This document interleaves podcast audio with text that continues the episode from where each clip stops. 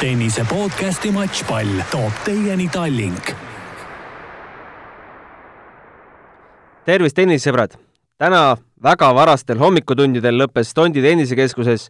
Merko Kapp Eesti-Läti tennise maavõistlus Eesti võiduga kuus-viis. selleks puhuks olen siia endale külla kutsunud äh, kaks inimest. esiteks äh, turniiri direktori, kes juhuslikult on ka meie matšpalli kaassaatejuht, Riho Kallus. Tere hommikust! Riho, palju magasid? oi, täna sai juba ilusti magada ei ole hullu, eile me saime juba vist kella ka kahe ajal magama, nii et see oli väga normaalne. päris hästi. päris hästi. ja siis äh, ühe pealtvaataja ka eilsest ja üleeilsest äh, matšist äh,, Eesti Tenniseliidu peasekretär Allar Hint. tervist! oli mõnus vaadata aeg-ajalt niimoodi ka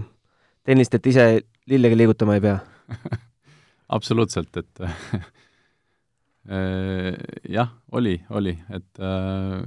kui tavaliselt me siin turniiri korraldades äh, näed nii-öelda tennist alles viimased päevad, viimased hetked, siis, siis praegu sai tõesti kaks päeva tennist vaadata. no esimese teemapunktina on mul siin kirjas Riho monoloog. räägi nüüd kõik räpased saladused, telgitagused, staaride nõudmised, äpardused, kõik, mis selle nädala jooksul toimus. oi jah äh igasuguseid huvitavaid asju toimus, et äh, kõik see kuidagi lõppkokkuvõttes loksus väga ilusti paika ja, ja, ja noh, ma olen, ma olen üli-üliõnnelik, et see, et see asi, asi niimoodi lõppes ja, ja kõik,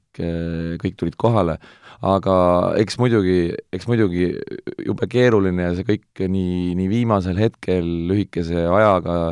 sai, sai kuidagi kokku pandud, et äh, ma, ma isegi ütleksin, et, et staarid olid üllatavalt mõistlikult, arvestades seda, et kes nad on ja mis nad tavaliselt teevad, et täna, täna nendel, täna nendel oli kõigil soov ise mängida ja võistelda ja eile, kui ma neid mänge nagu vaatasin, siis ma just mõtlesin selle peale, et jube raske ükskõik millise summa eest saada neid sellisel kujul võitlema väljakul on äh, väga raske seda on korrata, et, et see, see oli äärmiselt äh, tore näha. No iga korraldaja edukuse mõõdupuu on tema publik. eile, üleeile olid tribüünid täis, vähemalt õhtul tuhat viissada inimest umbes, et äh, peate rahule jääma?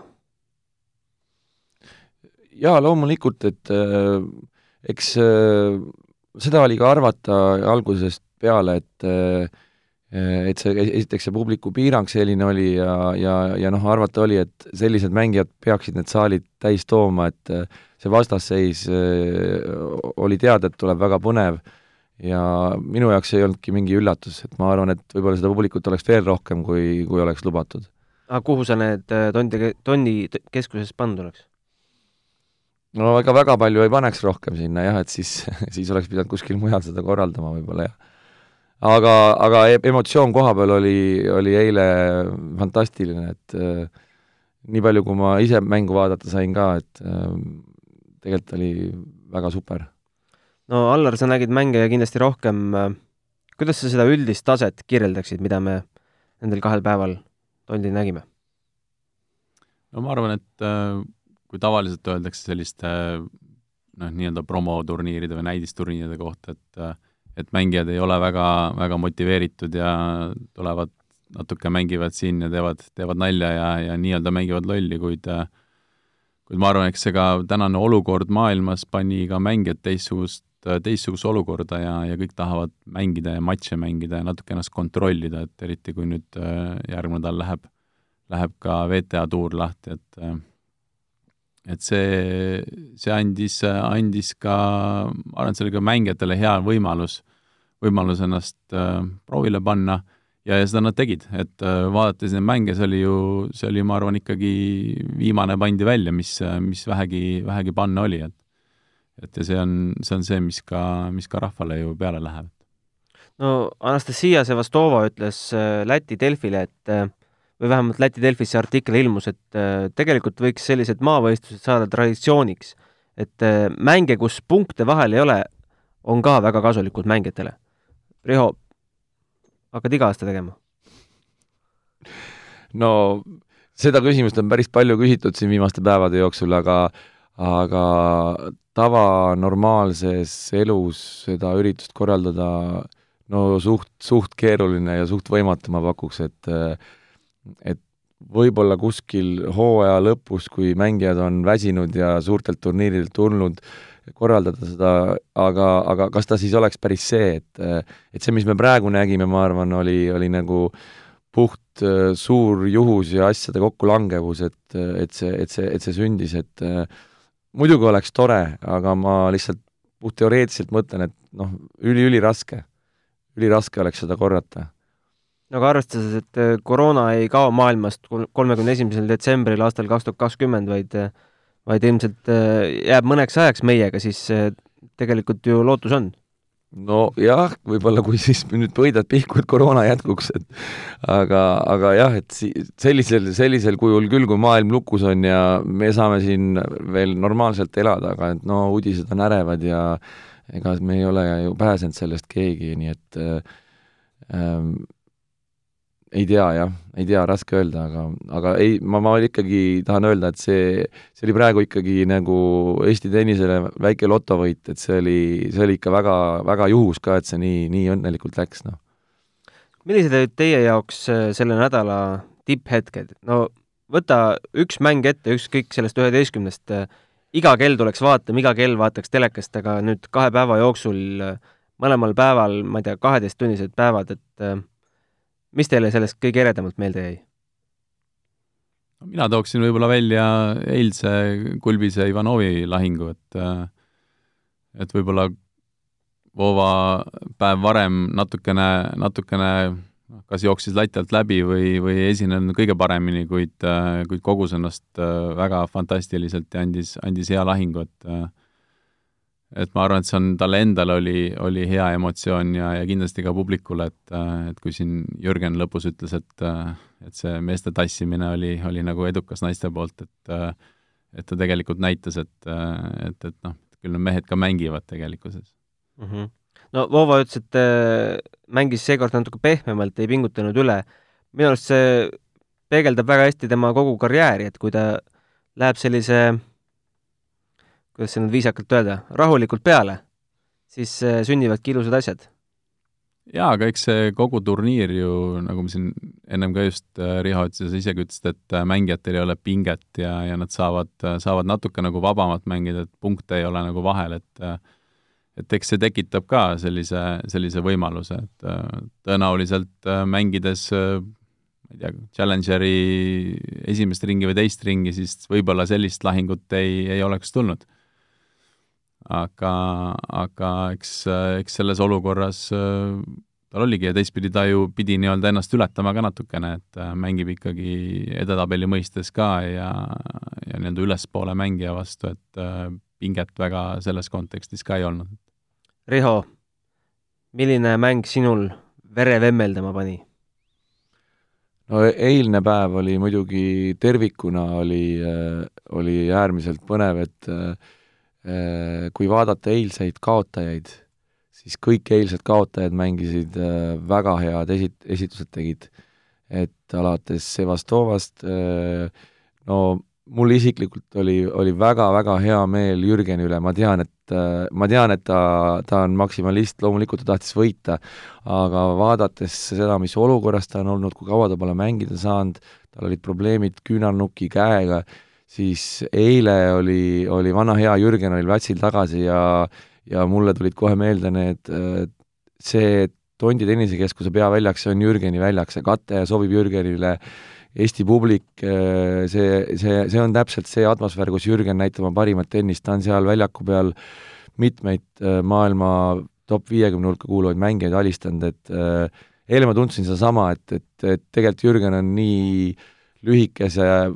ajaga nagu tagasi põhimõtteliselt, et eh, esimene päev tal võib-olla nii hea see mäng ei olnud, aga aga eilne mäng oli minu jaoks, oli see, see oli hästi positiivne emotsioon ja ja teine oluline võib-olla koht, mida ma vaatasin, oli äh,, oli äh,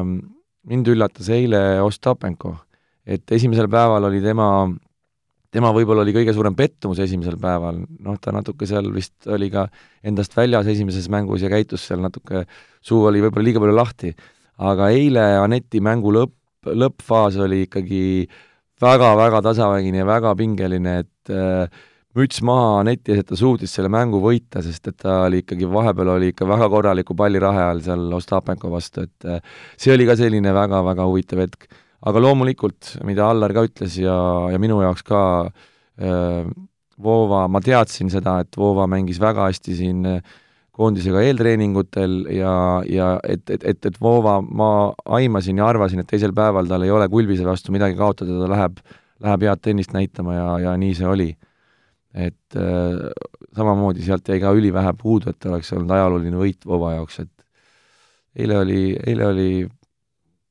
päris huvitavad tenniselahingud. no kui Jürgeni matšist rääkisite Oso Linsiga, siis ähm, tahtsin küsida, kas te olete Eestis näinud kedagi löömas äh, servi kakssada kolmkümmend kilomeetrit tunnis varem?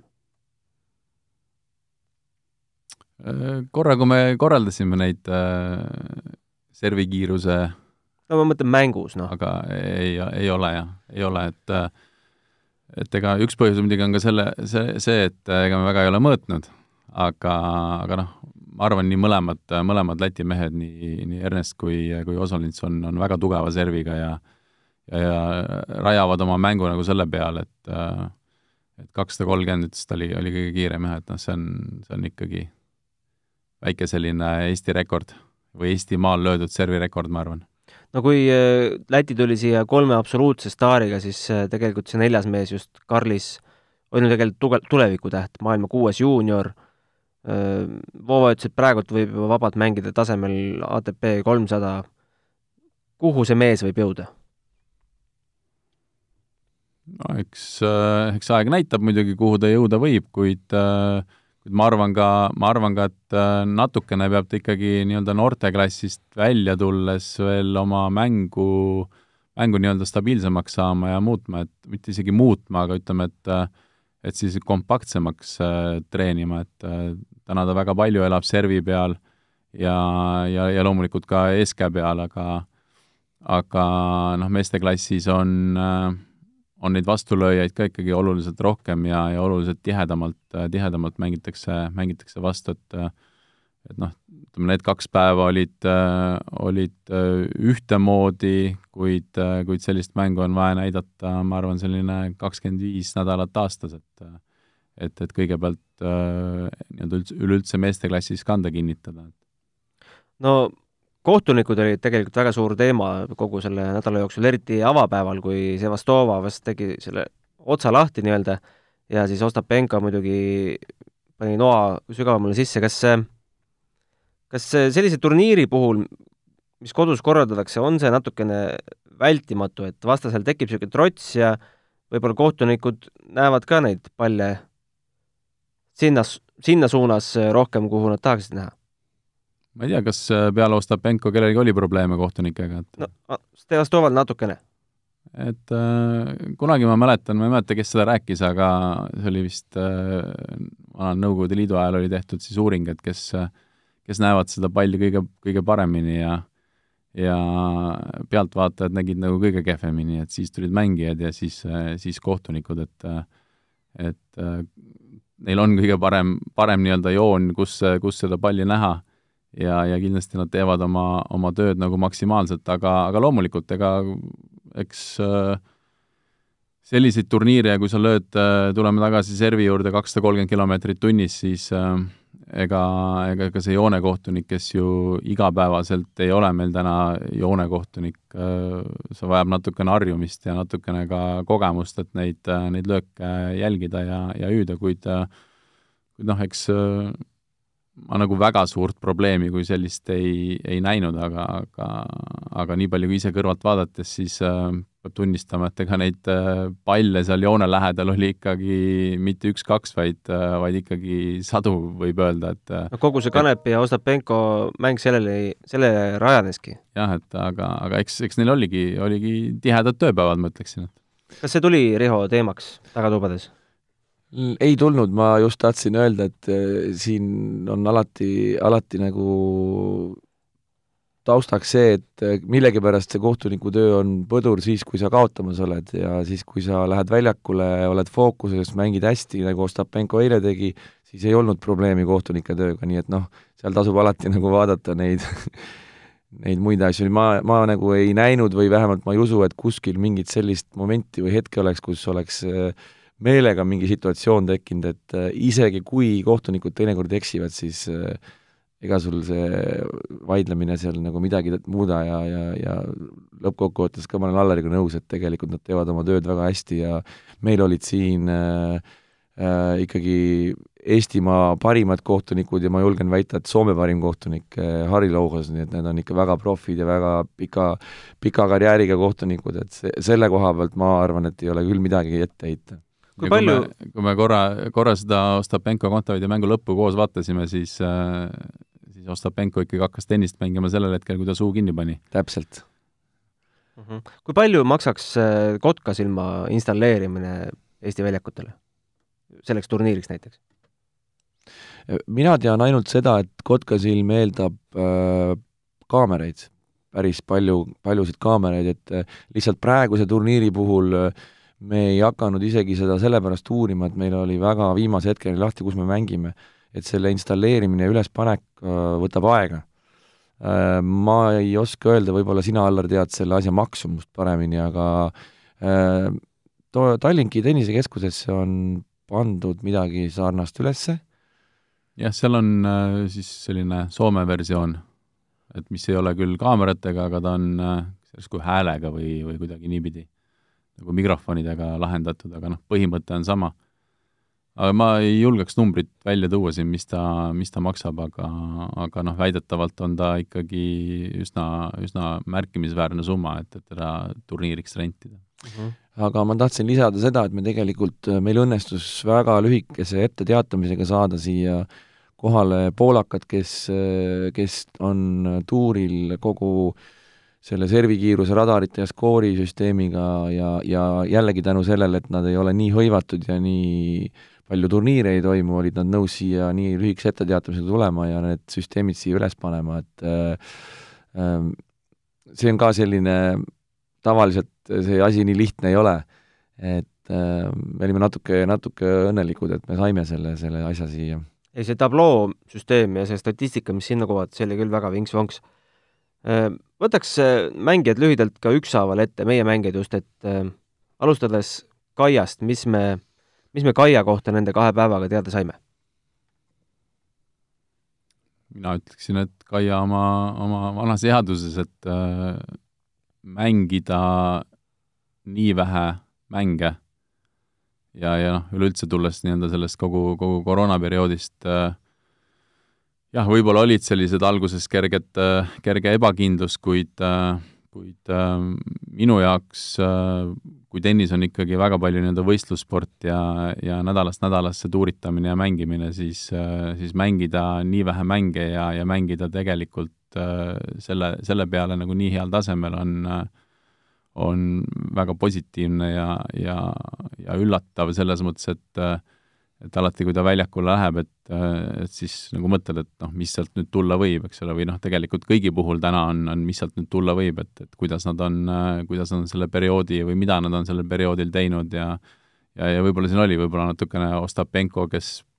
ma arvan, et ta tahaks mängida rohkem mänge, kui ta on täna mänginud, ta ei olnud nii, nii kindel seal väljaku peal, aga aga nii, nii Kaia kui ka, kui ka Anett äh, väga, väga positiivne, väga positiivne, et äh, et minnes äh, nii-öelda toorelt külmalt väljaku peale kodupubliku ees äh, nad mängivad ja, ja on tegelikult ütleme, füüsiliselt heas vormis ja, ja ka tennise vorm ei ole nagu kuhugi kadunud, et see on, see on head märgid. no me oleme Kaiat näinud välja tulemas igasugustest kaotusseisudest nii settides kui ka kiiretes lõppmängudes. Selle, sellepärast eilne mäng Sevastovaga mulle meeldis, kui ta tuli null-neli kaotusse just välja täiesti külma närviga jälle, taaskord. jah, et äh, nagu ütlesin, et noh, võib-olla sellist äh, selles mõttes nagu närvilisust oli või, või ebakindlust oli kuskil näha, et natuke üles-alla ta, üles-alla ta käis, kuid kuid äh, mul on tunne, et ta teab ise väga hästi ka, mis mäng tal sees on ja, ja mida ta suudab teha ja, ja kui ta saab selle, selle nii-öelda sinna flow sisse ja oma, mängu käima, siis on, on raske teda takistada. nii, Anett, nägime mõnda Aneti nõrka kohta ka või? no esimene päev, kui, kui Anett väljakult ära tuli, siis äh, see oli ikka väga suur positiivne üllatus ja Anett ise ka oli väga üllatunud, et ta nii hästi kohe mängima hakkas, et äh, mina nägin küll parimat Anetti, keda ma nagu näinud olen, ma ei osanud küll ühtegi niisugust nõrkust välja tuua, minu arust Anett mängis mängis, mängis väga hästi. võib-olla eilne päev lihtsalt kujunes äh, emotsionaalselt ja ka füüsiliselt väga-väga kurnavaks ja raskeks, et seal tal oli seal mängu lõpus ikka päris raske. tal oli mängu lõpus väga raske, ta natukene ka äh, eile seal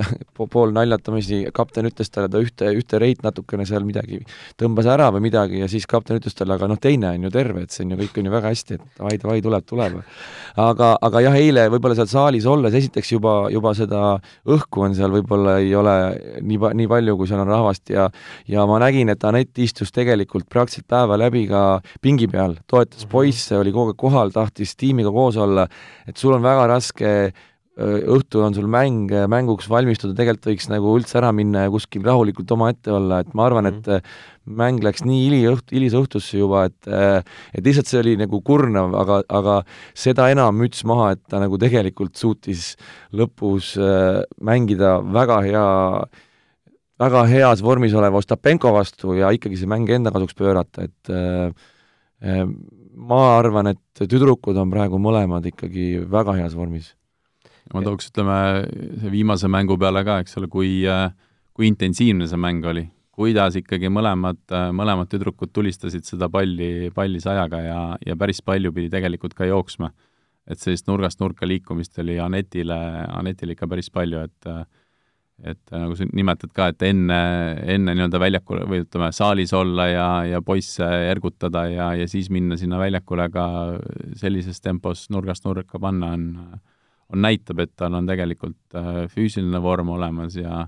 ja, ja ta ei andnud ju kuskilt sealt järge, eks ole, et ta ei, pigem oli Ostapenko see, kes lõpuks, lõpuks selle palli out'i lõi.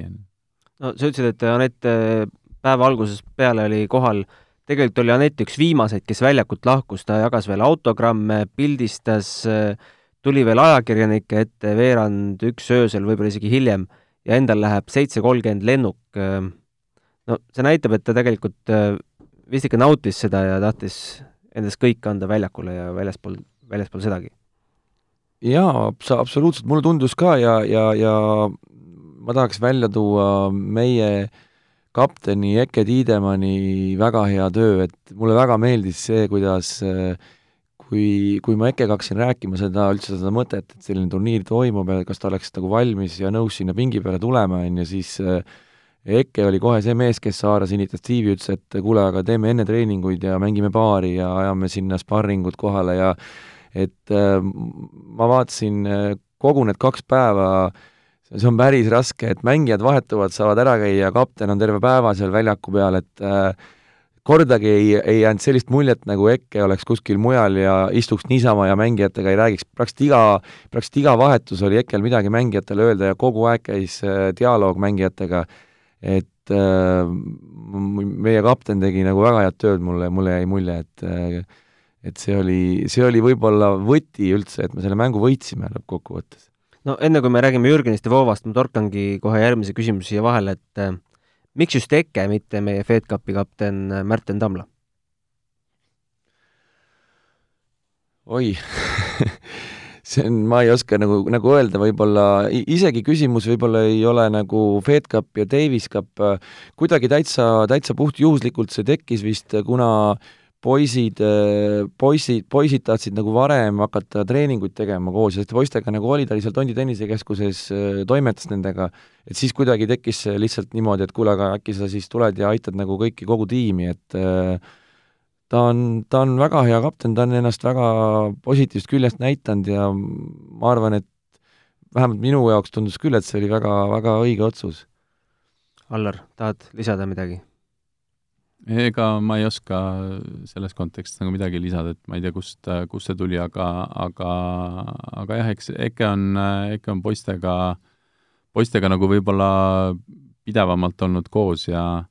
ja, ja sealt pealt on, ja ta oli ka noh, ütleme, Rihol silma all seal olemas, et eks see eks need äh, kogu selle ürituse kontseptsiooni ja lahendused ju tulid ka, ma saan aru, suhteliselt sellised äh,, iga päev nad arenesid ja kasvasid ja, ja mõtted tulid sinna juurde ja ja siis tuli ka see kapteni, kapteni mõte või vajalikkus sinna juurde, et äh, ma arvan, et see EKE oli selline spontaanne kiire lahendus. nii, Jürgen Sopp ei olnud kahjuks vist äh, kõige paremas tervislikus seisundis, oli siin kinni teebitud ja ilmselt äh, valuvaigisteid ka päris palju võtnud, aga aga sellest hoolimata üsna muljetavaldav mäng, vähemalt viimasel päeval. kas see valuvaigistid äh, sa kuidagi näitas välja, et on valuvaigistid võtnud? ei, ta ütles enne turniiri, et ilmselt tuleb ei, paar komplekti ka võtta. ilmselgelt jah, et äh, eks ma saan aru, et see nii-öelda küünarnuki närvivalu, et ega see ilma valuvaigistita ei, ei leevene, et äh, aga ma olen Rihoga nõus, et nii nagu sa siin ennem ütlesid, et äh, Jürgen tegelikult mängis, äh, mängis, ma arvan, et ta mängis enda kohta päris, äh, päris hästi jällegi, et nüüd üle aasta eemal, jah? ei, ütleme kümme kuud eemal ja alla aasta, alla aasta eemal ja, ja tulla esimene päev Kulbise vastu lahing täitsa, täitsa okei okay mäng, äh, nii nagu see tennis on, äh, mõned äh, game'i, game'i või seti viimased punktid lähevad, lähevad teisele poole, eks, eks sealt see, võib-olla see mängimatus nagu või, või natuke nagu selline ma ei ütle närvilisus, aga, aga võib-olla mingis mõttes nagu ebakindlus välja, välja lõi, kuid, kuid vaadates mõlemat päeva kokku, jah, võitu küll ei tulnud, kuid äh, kuid tasavägised mängud ja, ja ta ei, ja, ja, ta ei kukkunud ära, et, et ta, ta võitles tegelikult viimase pallini välja ja, ja, ja selle eest Jürgenile nagu müts maha. no eilne, eilne mäng mul ikka on silma ees see hetk, kui noh, võrd-, võrdne võrdsega lahing et kui tiebreak'is oli seis kaheksa-kaheksa, kui lätlane lõi võrgutripsu, Jürgen mängis palli tagasi ja siis lätlane vajutas joont, on ju, et seal oli ikka lätlasel nagu lõpus õnne ka, et see oleks võinud äh, mündivise sinna teisele poole ka minna, et äh, aga Jürgeni puhul, mis, mis mina nagu tema puhul alati nagu vaatan ja hindan, on see, et äh, kui Jürgen mängib äh, kodupubliku ees eriti, siis see, mida tema sinna väljakule jätab ja ta on ikka, ta on ikka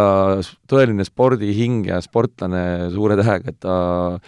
teda on nagu tõsiselt hea vaadata, kuidas ta, kuidas ta jätab sinna viimase higitilga väljakule alati, et ähm, minul on küll Jürgenile ainult kiidusõnu. mul on äh, siin ees äh, Eesti tenniseedetabel äh, neli paremat meest. tahtsin siin natuke veel intriigi kiskuda, et miks just Ivanov on nelja, meie neljas number selles koondises, kui tegelikult Kristjan Tamm on tast ju ühe koha võrra ATP edetabelis eespool Äh, no ütleme nii, et see tabel on natukene aega nüüd seisnud ja, ja kõige, kõige viimane tegelikult lahing, mis oli, olid Eesti meistrivõistlused. et äh, ma arvan, see ongi sellele su küsimusele vastus. et äh, Eesti meistrivõistlustel taaskord Ivanov tegi seda, mida ta on kogu aeg teinud, näitas väga head mängu, alistas kõik ja seal rohkem nagu küsimärke minu jaoks nagu ei olnud ja me isegi EKE-ga arutasime ja rääkisime, et mis siis, kui, et äh, kui midagi juhtub ja keegi ei saa või või keegi midagi ei, ei tule, vigastab, siis äh, EKE ettepanek oli ka, et siis meil on, äh, on varus Eesti meistrite, meistrivõistluste finalist Kennet Raismaa ja tüdrukute poole pealt siis värske Eesti meister Jelena Lõõgina, kellega meil oli tegelikult kokkulepe olemas, et nad on ja kes olid ka mõlemal päeval algusest lõpuni kes saalis. olid ka algusest lõpuni saalis, kes sparrisid mängijatega, Jelena käis, mängis ju Sevastovaga siin esmaspäeviti, teisipäeval tegid trenni, nii et äh, nemad olid, olid olemas igaks juhuks, nii et aga kas lätlastel ka varu oli või nemad äh, tulid ainult nelja mängijaga? Ei, nad tulid ainult nelja mängijaga, et äh, nendel ei olnud äh, varu kaasas, me küll rääkisime nendega sellel teemal, aga nad ikkagi olid kohal nelja mängijaga, jah. aga mis oleks juhtunud, kui no kapten oli päris hea mängumees ja, ja Osolintsi treener on päris hea mängumees ja ja Karlis Leineks on päris hea mängumees, et muuseas, Karlis Leineks jah. on ju ka Osolinsiga pikalt tegelenud ja treeninud teda, nii et jah, mm -hmm. et meeste jõudnud- poole peal ei oleks probleemi ei oleks probleemi olnud, jõudnud ju Peterburi ATP Master, ATP turniiril teise ringi, Verdaskole kaotas kunagi, oli ka päris kõva mängumees, jah. no me pole Kaiat näinud äh, kodupubliku ees kolm aastat, viimati kaks tuhat seitseteist, kui ta siin äh, mängis äh, Anetiga Saku Suurhallis ja suvel ka Pärnus, aga me pole teda paaris mängu näinud mängimas Anetiga suisa viis aastat. millist muljet teile see paarismäng, mille me samuti võitsime, avaldas? Ma arvan, et äh, eks see nende jaoks ka uus kogemus jälle, et äh, omavahel väga mänginud ei ole, see on üks pool sellest ja ega ju paari kui, kui sellist tuuripall üleüldse mängivad suhteliselt vähe, et äh, Anett mängib äh, nii palju, kui ta mängib Grand Slamidel paarismängu kaasa, et äh, eks see on selline teisejärguline, natuke nagu teisejärguline mänguliik nende jaoks. Aga loomulikult ka vastaste jaoks ju samamoodi, et ega ei, ei see vastu ega Ostapenko ju ka ei, ei mängi tuuri peal paari väga palju, et aga noh, arvan, et ta on äh, naispaari me, eks ole, ise peame selliseks väga võimalusterohkeks äh, mänguks, et äh, et ma arvan, et kui siin, kui siin harjutada ja treenida, siis, siis kas siis omavahel mängides või, või erinevate partneritega tuuri peal, et seal on kõik uksed avatud. Anett eilses intervjuus või noh, tänases tegelikult äh, avaldas küll soovi, et äh, miks mitte turniiridel, kus koos mängitakse, ka paarismängus ennast üles anda. aga ma arvan, et see on kõik nende enda, enda kätes, enda teha, et äh, kui nad tunnevad, et nad sobivad, sobivad paari mängima, siis loomulikult, et see on ju nii-öelda kaks Eesti mängijat ühel pool võrku versus kes iganes on, on väga äge, äge saavutus jälle, väga vaadata. no Allar, kui näpuga reeglites järge pidada, kas äh, Kaial on veel teoreetilised võimalused olümpiale jõuda olemas? no seal on äh, see nii-öelda see kuidas öeldakse eesti keeles, see appeal'i või nii-öelda taotluste võimalus, et, et, et juhul, kui sa ei ole mänginud või ei ole nii-öelda seda Fed Cupi või Davis Cupi kriteeriumit täitnud, et siis sa saad esitada, esitada taotlus, et äh, eks see, see võimalus on, see võimalus on teha veel, et, et mis sealt vastu tuleb, et see on omaette küsimus ja, ja loomulikult mis sinna taotlusse peab panema? et sa ei ole mänginud? põhjendused, jah ja, ja eks, eks loomulikult on enne seda on, on kindlasti ka edetabeli kriteerium, mis on vaja täita, et see on minu, mälu järgi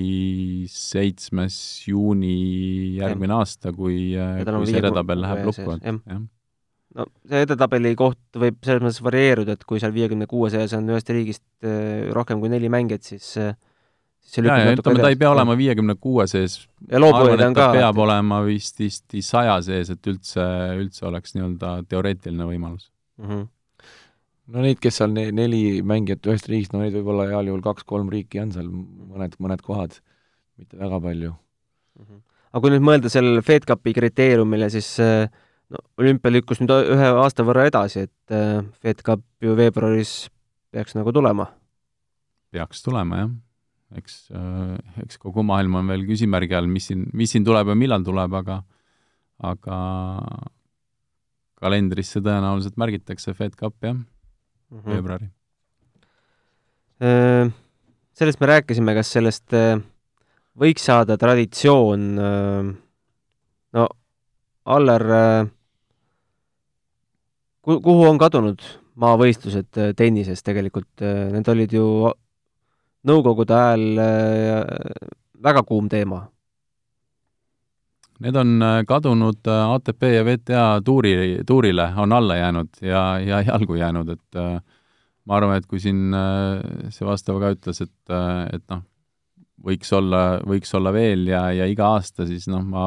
kahjuks kaldun arvama, et see on selline ilus sõnakõlks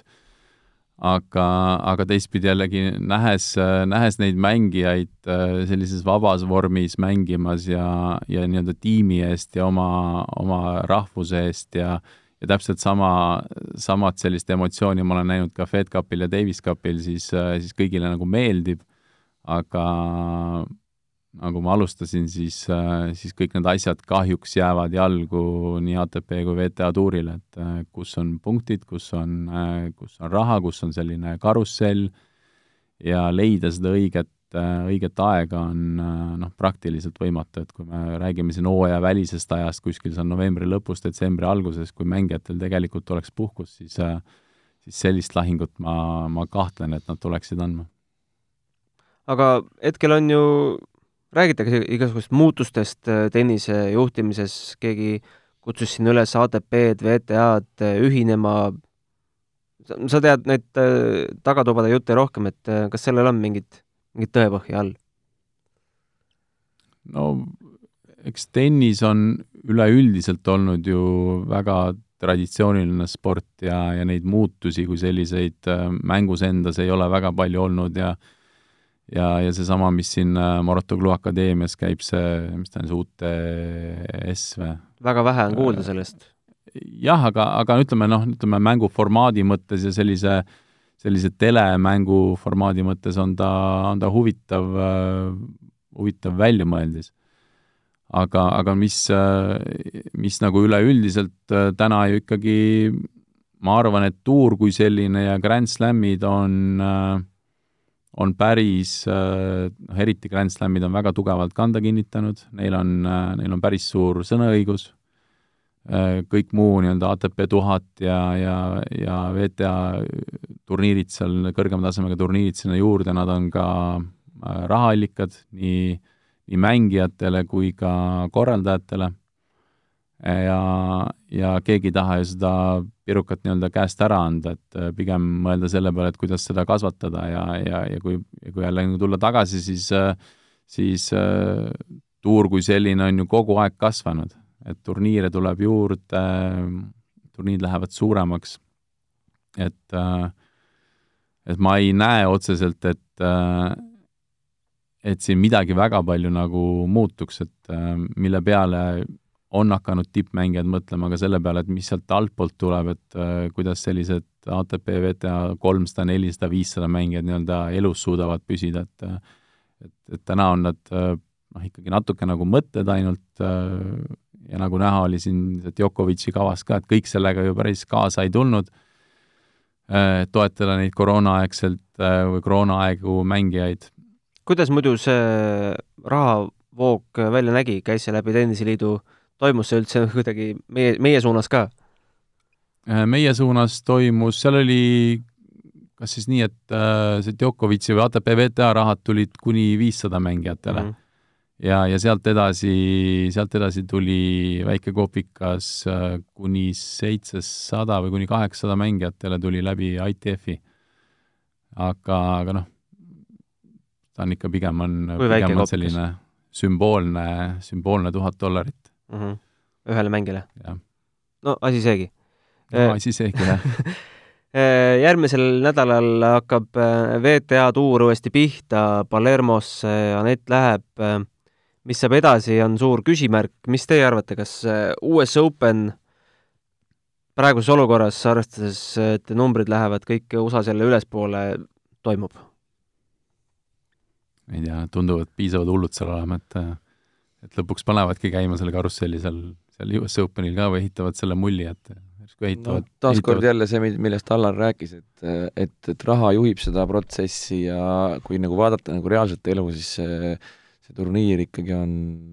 pool nali, noh, see on nagu selge, et see ei ole see Grand Slam, mida me oleme muidu näinud, väga paljud mängijad on juba loobunud ja no, Ashley Barti eile alles. no täpselt, ja kui sa isegi seda noh, emotsiooni mängida tühjade tribüünide ees, see ei ole päris see noh. aga, aga eks see on arusaadav, et äh, korraldaja, korraldaja seisukohast on sul võib-olla valida pankrott, noh, et et see ongi see probleem, selles äh, mängus on nii suured rahad ja, ja nendel ei ole väga valikuid. jah, ja võib-olla me peamegi harjuma selle, noh, nagu me nimetame siin seda uut normaalsust et, äh, et noh, kuskil maal ma olen ka nõus, et äh, eks see viirus ju on meiega ja jääb meiega veel mõneks ajaks äh, vähemalt. et, et kui see asi nii-öelda tuurina ka käima panna, et mis seal, mis seal juhtub, mis seal ei juhtu, noh, ma lihtsalt loodaksin väga, et, et mingit suuremat pauku sellest ei käi, et et, et eks, eks ole näha, et kui, kui tulebki selle tuuri, tuuri ajal nii-öelda üks, üks haigestumine, et äh, mis siis juhtub ja kuidas, äh, kuidas siis ka tennisejuhid ja nii ATP, VTA juhid seda asja vaatavad. aga Kallar, äkki lõpetuseks räägid selle uue punktisüsteemi ka lahti, mis, mis nüüd äh, ATP ja VTA edetabelites muutus?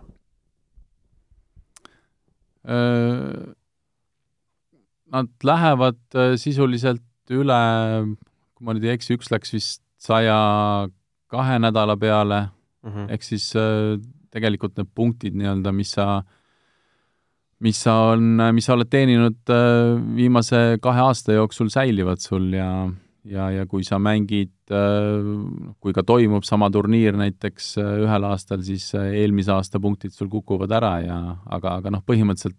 põhimõtteliselt kui on olnud viiekümne kahe nädala baasil olev edetabel, siis nüüd see on kas on saja nelja või saja kahe, et ma, minu arust on VTA, ATP natukene ka kaks erinevat, et aga põhimõte on see, et, et nii-öelda seda arvestusse minevate punktide äh, perioodi pikendati. aa, et kui Anett äh, USA-s pääseb teise ringi, siis tal see eelmise aasta kolmas ring kukub alt ära? jah mm -hmm.. siis oleks kasulikum ju mitte minna? seda muuseas just rääkisin Ostapenkoga, see oli tal põhjus, miks ta ütles, et ta ei lähe et ta on eelmisel aastal kolmandasse ringi jõudnud, ta peab vähemalt neljandasse ringi jõudma, et tal oleks pointi minna ja siis ta ütles, et aa, miks ma sinna lähen, et ma, ma ei lähe kindlasti. aga, aga see, mida Allar just praegu siin räägib ja, ja see süsteem, mida üritatakse teha, tennises on ikkagi jällegi nende mängijate jaoks, kes on nooremad mängijad, kes üritavad sinna üles ronida, nende jaoks muudab, muudab, muutub see olukord veelgi raskemaks, et et see on, see on kogu aeg probleem olnud ja, ja noh, nüüd on nagu noh, veel, veel, veelgi keerulisem tegelikult. et äh, ma kuidagi ise olen kogu aeg mõelnud seda ja ootaks seda, et, et, et äh, kuidagi tekiks võimalus alt üles liikuda ka lihtsamini, et ei, ei oleks see uks nii kinni nagu noorematele ja võib-olla Futures turniiril olevatele mängijatele no kriteeriumid on ju olemas, kus sa pead olema edetabelis, et ITF-ist saada ATP Challengerile ja nii edasi, et, et jaa, aga see kadalipp on päris, päris keeruline, päris raske, et ütleme, kõik mängijad teavad seda, et kui sa sinna korra saad, siis seal püsida on oluliselt lihtsam, kui sinna nagu pääseda, et see see võtab väga kaua aega ja, ja sul võib hea vorm olla, aga sa lihtsalt ei saa turniiridele peale. et ehm, noh, jah, nii ta on. millal ITF üldse pihta hakkab? seitseteist august nädal. ahah ja meie inim-, meie, meil on kõik juba lennupiletid võetud, kõik on mööda maailma laiali. tänaseks hetkeks on väga paljud turniirid cancel datud juba. jah, et turniir on cancel datud ja, ja mismoodi ta peale hakkab, et see on, see on veel omaette, omaette ooper, ma arvan, et ja vaadata, kui palju mängijaid üldse on, on valmis reisima, et see on järgmine, järgmine küsimus, et, et ma arvan, nii, nii Jürgen kui, kui Vovo ütlesid siin, et, et noh, et vaatame need esimesed kaks nädalat ära, et mis siin toimuma hakkab, et, et siis, siis teeks oma plaane, aga et ei, ma noh, eks see, eks see nii-öelda uus süsteem või, või hetke, hetke natukene nagu parandatud süsteem ongi sellepärast, et äh, nii paljud riigid on veel täna ju, ju lukus, et äh, välja reisida ei saa ja sisse reisida ei saa ja ja karantiiri, karantiini tingimused ja, ja nõuded, et äh, et äh, eks nad kuskil maal tahavad seda edetabelit kaitsta või kaitsta nii-öelda ka kõrgemale asetsevaid mängijaid, et nad sealt äh, alla ei kuku tänu sellele, et nad on kuskilt riigist, mis, äh, mis takistab neil reisimist. ja, ja, ja loomulikult üleüldse turniiride arv, et äh, kui me räägime siin pealesaamistest ja, ja mingitest edetabeli kohtadest, siis ma arvan, et see on järgneval perioodil ikka väga pea peal, et, et, et turniirid võivad, võivad olla väga tugevad või siis täiesti tühjad no selge, ma küll meeli-, meelitasin teid siia stuudiosse, et teeme poole tunniga siuh-säuh ära, aga läks natukene, natuke kauem. kuulame siia lõpetuseks Aneti intervjuud, mis ta meile kell veerand üks öösel andis ja aitäh teile, mehed, tulemast! väga positiivsed emotsioonid, et ma ei saanud kahes setis võita, sellepärast et kõik mängisid super tie-breaki ja siis ma mõtlesin, et kuidas ma niimoodi üksinda siis kahes setis võidan, et siis ma mõtlesin, et okei okay,, et, et siis peab kümneni tie-breaki võitma. oskad sa võib-olla ühe asja välja tuua, mille, millega sa selle Jelena matši ära võtsid? Äh, ta hakkas tegelikult, kui nüüd tõsine olla, siis ta hakkas teise seti lõpupoole väga hästi mängima, väga agressiivselt ja väga hästi lõi, lõi jooni ja ja mul hakkas natuke tuha, vasaktuhar servist maandumisel natuke mind, mind painama, et, et eks see on sellest, et ma nüüd nagu järjest paar, paar päeva võistelnud ja enne oli see paar veel ette, et selles mõttes see kindlasti, eks see on võistlusolukorras on natuke selline rohkem pinget kehas ja, ja kõik see, et eks see on natuke loomulik, aga jah, siis mul oli kuidagi pelgasin servida, et, et tegi valu see maandumine just vasakule jalale aga jah, ta mängis, mängis väga edukalt ja siis kuidagi lõpus äh,, tiebreaki nii-öelda lõpus ta oli ka ju tegelikult seitse-viis oli ees ja ma üritasin lihtsalt äh, kogu aeg ühe palli veel nagu tagasi mängu saada, et üritasin nii stabiilne olla, kui ma vähegi sain. arvestades, et Läti paar on väga kõvasti kokku mänginud, siis äh, selline võit, kas tekitab mingit isu ka, et võiks kokku mängida rohkem ja sellega saaks ju midagi teha? Äh, jaa, väga tore oli, mulle nagu väga meeldis äh, me, me Kaiaga mõlemad äh, nii palju, kui me rääkisime tõesti peale mängu olime väga rahul ja ja väga positiivne emotsioon oli sellest, sellest paarist, et et jah, et nii palju, kui me, kui me turniiridel mängime, et et, et miks mitte mängida koos, aga aga jah, eks, eks, eks näeb, kuidas, kuidas edasi, edasi läheb. on see Läti võit oluline ka jaoks? Muidugi on tore võita naabreid, alati on tore, aga eh, noh, kui ma oleks ka selle mängu seitse-viis kaotanud siin lõpus selle segapaari, et ega midagi otseselt nagu lahti ei oleks olnud, aga kindlasti eks nagu võit annab ikka sellise positiivse emotsiooni. mida sa enda vormi kohta nende kahe päeva jooksul teada said? Eh, ma arvan, et ma olen, olen väga heas vormis, ma liigun, liigun hästi, ma, ma tunnen ennast väga mugavalt väljaku peal, et eh, ma olen, olen väga rahul sellega, et, et see nii-öelda need rasked trennid nii-öelda siis ennast ära on tasunud ja, ja jah, ma tunnen ennast väga mugavalt ja ma tundsin, et ma olin ka sellises pingelises olukorras väga rahulik ja, ja et kuidagi, kuidagi tundsin ennast väga hästi. rahva ootuse kruttisid sa kindlasti nüüd üles, kas endal on ka kindlasti mugavam minna kahe sellise suurepärase võidu pealt esimesele turniirile? Ja et võib-olla muidu oleks selline teadmatus, mida oma vormi kohta nii-öelda ei, ei oskagi arvata, et kuidas see, kuidas see algus võib välja näha, aga ma olen endale nii-öelda näidanud, et ma olen äh, väga head tennist mänginud ja eks see kindlasti annab mingisuguse väikse enesekindluse juurde. jõud sa täna magada ka või on targem otse minna? keeruline öelda praegu, kui te palju küsimusi küsite, siis võib-olla ei saagi minna magama. tennise podcasti Matšpall toob teieni Tallink